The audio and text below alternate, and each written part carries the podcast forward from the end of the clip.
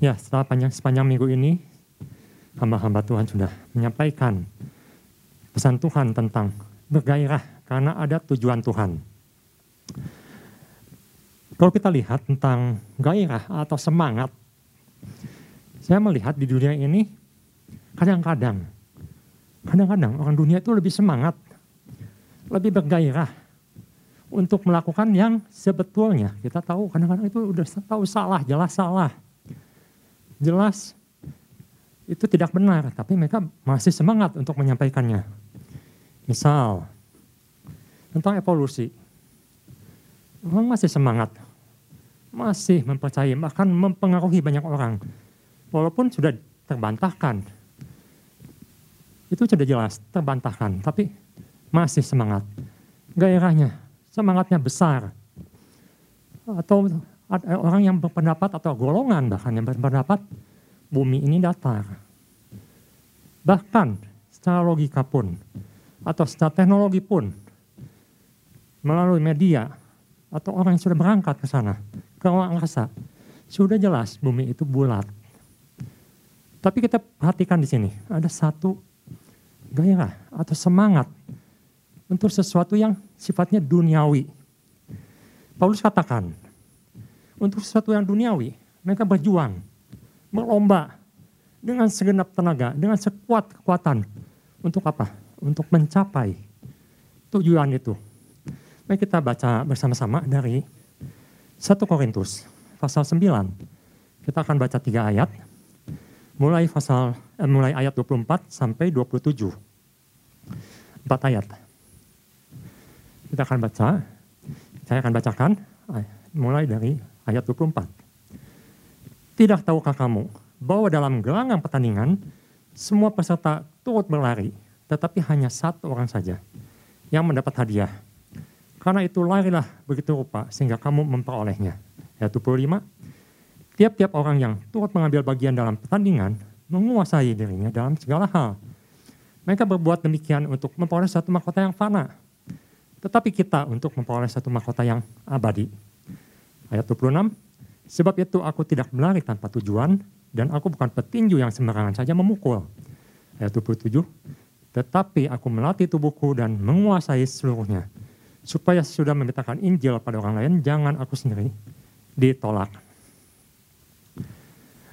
Mengapa pesan ini datang? Karena ternyata masih banyak orang percaya yang masih suam-suam kuku masih tidak bersemangat dan tujuan yang apa Tuhan sudah nyatakan, sudah arahkan.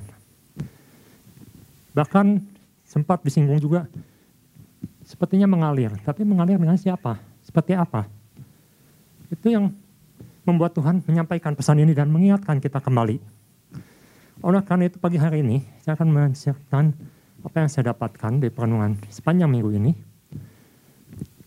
Yaitu yang pertama adalah bagaimana kita bisa bergairah, bergairah kembali untuk mencapai tujuan Tuhan ini. Yang pertama, kita harus melatih penguasaan diri atau exercise self control. Dasarnya diambil dari 1 Korintus pasal 9 ayat 25. Dalam terjemahan lain dikatakan tiap-tiap orang yang turut mengambil bagian dalam pertandingan menguasai diri dalam segala hal atau exercise self control, melatih penguasaan diri. Jadi Paulus menyinggung seperti yang sudah kita baca tadi, melatih penguasaan diri. Ini berhubungan dengan apa? Dengan tubuh atau soma. Tubuh itu mempunyai satu keinginan, sesuatu yang harus dipenuhi. Jangan sampai tubuh ini menguasai tapi Paulus katakan tubuh itu harus dikuasai. Dalam bahasa aslinya dikatakan make it a slave atau dijadikan budak. Kita tidak bisa diperbudak oleh tubuh, tetapi tubuh kita ini harus diperbudak oleh kita atau kita menjadi tuan atas tubuh kita. Di sini di pasal 9 Paulus berikan banyak contoh dari kehidupannya sendiri bagaimana dia menguasai tubuhnya atau keinginannya di sini katakan, ia tidak mengambil upah atas pelayanannya. Dia katakan, setiap pekerja berhak mendapatkan upah. Tetapi kebanggaan dia adalah dia tidak mengambil upah itu. Dia tidak mau terikat dengan upah atas pelayanannya. Bahkan dikatakan seperti di ayat kelima, apakah dia tidak punya hak untuk membawa keluarganya, istrinya? Maksudnya kalau dia menikah pun apakah dia berhak membawa istrinya? Di sini katakan mungkin rasul-rasul lain membawa istrinya. Tapi dia katakan dia tidak memakai fasilitas-fasilitas yang diberikan dalam pelayanan. Bahkan kita tahu untuk kehidupannya pun dia tidak memakai uang jemaat, tapi dia hidup dari apa yang dia kerjakan. Di sini Paulus mencontohkan dia menguasai tubuhnya, menguasai dirinya untuk tidak diperhamba oleh keinginan-keinginan tubuh. Sebaliknya, dia menghambakan tubuhnya supaya dia bisa fokus dalam pelayanan, fokus dalam menginjili, fokus dalam apa yang Tuhan berikan sebagai tujuan hidupnya. Jadi di sini kita lihat ya, ya eh, Paulus ini sangat luar biasa memberikan satu contoh di mana kita harus belajar banyak untuk punya suatu semangat mencapai satu tujuan Tuhan di mana kita harus menguasai diri kita sendiri. Dalam misalnya seperti di pasal 9 ayat 25 dikatakan tiap-tiap orang yang turut mengambil bagian dalam pertandingan menguasai dirinya. Dalam bahasa Yunani dikatakan eka tomai atau mengontrol dirinya seperti orang melakukan diet. Ibu-bapak mungkin hafal ya atau tahu pernah membaca, sering membaca tentang diet. Kalau seorang mengatakan saya sedang diet daging, artinya apa? Apakah orang itu menghindari daging atau dia banyak makan daging? Pengertian yang benar itu dia banyak makan daging. Jadi seorang mengatakan saya sedang diet daging, artinya dia banyak makan daging. Kita tahu dalam dunia ini ada orang-orang yang alergik pada suatu produk, misalnya tepung atau gluten. Dan orang itu katakan, atau dokter katakan, kamu harus menghindari makanan-makanan dari tepung atau kamu harus diet menghindari tepung. Seperti kue-kue, roti, gorengan, semua yang mengandung tepung. Nah, yang sini sangat menarik bahwa kata ini yang Paulus katakan menguasai atau melatih penguasaan diri ini berhubungan dengan suatu seperti diet.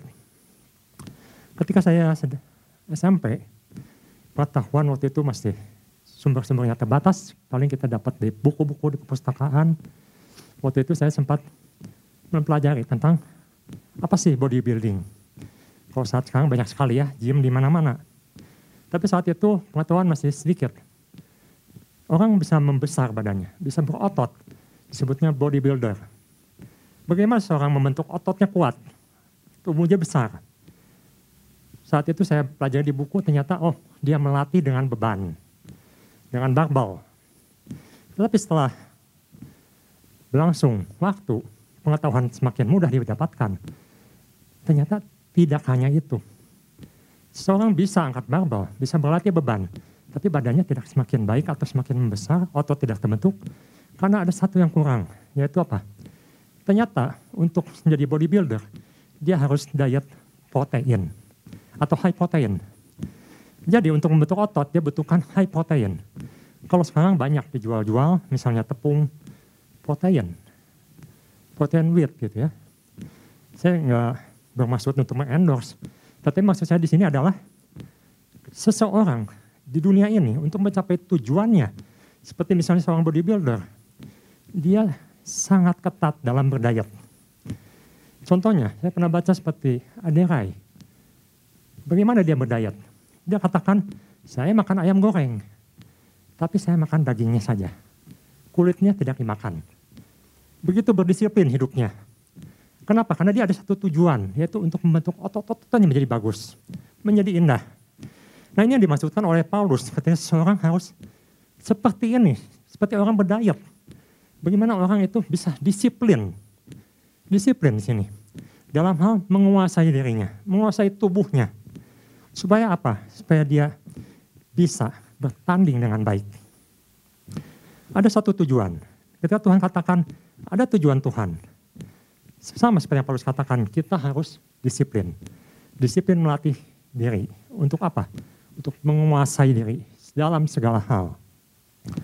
Nah, bagaimana dengan kita? Kita lihat orang dunia begitu disiplin dalam membentuk tubuh mereka, begitu disiplin, begitu bersemangat dalam men, ingin mencapai tujuan-tujuan mereka. Bagaimana dengan kita? Bagaimana dengan anak-anak Tuhan? Apakah masih ada gairah dalam mencapai tujuan-tujuan Tuhan? Kita perlu merenungkan dengan serius dalam hal ini. Karena jika orang dunia pun begitu luar biasa, mereka begitu semangat, begitu passion untuk mencapai tujuan mereka. Mengapa anak Tuhan banyak yang loyo, banyak yang kecewa, banyak yang tidak mau lagi ikut dalam pergerakan Tuhan di saat ini. Paulus katakan, tirulah dirinya. Dia melatih dengan sungguh-sungguh. Berdisiplin dengan sungguh-sungguh untuk mencapai tujuan Tuhan itu. Jadi yang pertama, bagaimana kita harus atau bisa dapat bergairah dalam mencapai tujuan Tuhan? Itu perlu namanya disiplin dan self control atau penguasaan diri. Kita akan baca di 1 Petrus pasal 4 ayat 2. Di situ jelas sekali Paulus katakan supaya waktu yang sisa jangan kamu pergunakan menurut keinginan manusia, tetapi menurut kehendak Allah. Ini senada dengan yang Paulus katakan. Ketika dia menundukkan tubuhnya untuk mengikuti keinginan-keinginan Tuhan, bukan keinginan tubuhnya, bukan keinginan duniawinya. Mengapa? Karena waktunya sekarang sudah sempit. Tinggal sisa waktu yang kita masih ada saat ini, yaitu untuk menggunakannya menurut kehendak Allah. Kita akan lihat di Filipi pasal 2 ayat 5. Bagaimana kita menundukkan tubuh kita, keinginan kita, keduniawian kita. Di Filipi pasal 2 ayat 5 dikatakan, Hendaklah kamu dalam hidupmu bersama menaruh pikiran dan perasaan yang terdapat juga dalam Kristus Yesus. Menaruh pikiran, perasaan dalam Kristus Yesus. Kita tadi perhatikan bahwa Paulus menaruh pikiran dan perasaan Kristus. Di mana dia fokus hanya pada tugasnya sebagai rasul untuk menginjili orang. Untuk membawa kepada Tuhan. Dia fokus di situ. Dia berlatih, menguatkan dirinya di sana. Jadi, yang pertama, penguasaan diri itu sangat penting. Dan kita harus melatih, menundukkan, mendisiplin tubuh kita untuk mengikuti apa yang Tuhan inginkan. Yang kedua, bagaimana atau apa gunanya kita melatih? Apa gunanya kita bergairah dalam tujuan Tuhan? Sangat menarik ketika seseorang sudah bisa mendisiplinkan tubuhnya, bisa mengendalikan keinginannya. Di situ dikatakan ada tujuan ilahi yang Tuhan akan berikan kita lihat di sini. Paulus katakan, ia melupakan masa lalunya. Ia meninggalkan beban-bebannya dan berlari kepada tujuan yang Tuhan yang berikan. Kalau kita perhatikan, menurut catatan kebiasaan orang Romawi saat itu, sekitar abad-abad awal Masehi, ketika mereka bertanding dalam pertandingan atletik, khususnya pertandingan berlari, dikatakan mereka menanggalkan semua beban. Bahkan dikatakan mereka sampai melepaskan pakaiannya. Demi apa? Demi bisa berlari secepat-cepatnya dan memenangkan pertandingan. Paulus katakan di, di 1 Korintus pasal 9 ayat 27, tetapi aku melatih tubuhku dan menguasai seluruhnya supaya sudah memberitakan Injil pada orang lain, jangan aku sendiri tolak. Dan di ayat 25 dikatakan, tiap-tiap orang yang turut mengambil bagian dalam pertandingan menguasai dirinya dalam segala hal. Mereka berbuat demikian untuk memperoleh suatu mahkota yang fana. Untuk memperoleh suatu yang fana. Apa yang ketika seorang pelari saat itu dapatkan ketika dia menang? Maka kaisar akan memberikan mahkota. Bukan mahkota emas. Katanya seperti mahkota daun. Semacam itu. Bayangkan orang berlari sedemikian rupa untuk memenangkan satu mahkota yang terbentuk dari daun. Untuk mahkota daun pun mereka mati-matian berjuang. Bagaimana dengan kita? Paulus katakan, kita berlari, kita menuju satu tujuan untuk mendapatkan mahkota, bukan yang fana, tapi mahkota yang abadi. Kita akan lihat apakah betul ini satu yang penting tentang mahkota abadi ini.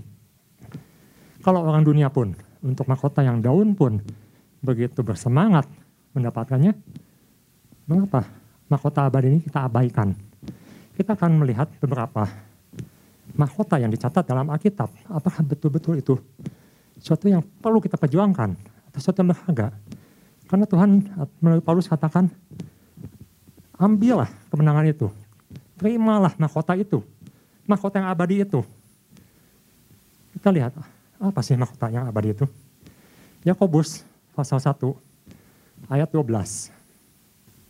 Mari kita baca bersama-sama. 3, 2, 1.